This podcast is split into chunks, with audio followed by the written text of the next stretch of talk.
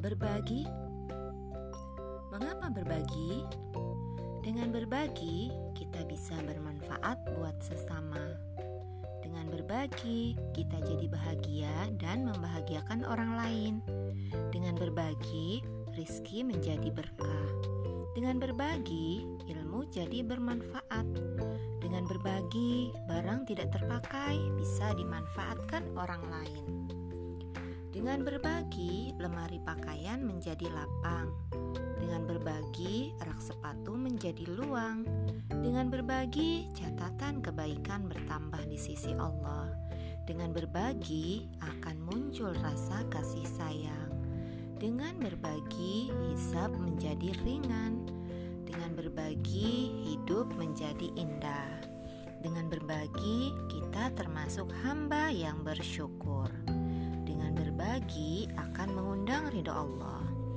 Kabar baiknya, berbagi bisa dengan apa saja yang kita punya. Berbagi tak harus tunggu kaya. Berbagi bisa dengan tenaga. Berbagi bisa dengan ilmu yang ada.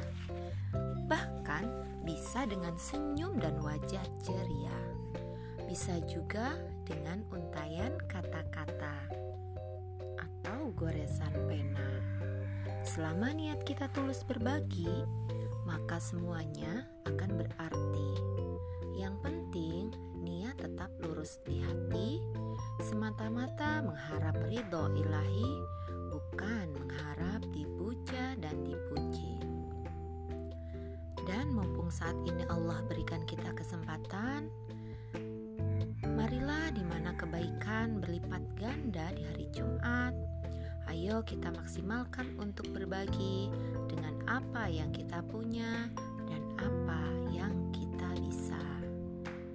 Tulisan ini adalah tulisan Helmi Abizumi yang saya baca dari buku Parenting Plus Plus, kumpulan artikel dari grup uh, Parenting with Eli Risman and Family. Jadi ini adalah uh, dari keluarga Bu Eli Risman. Semoga bermanfaat.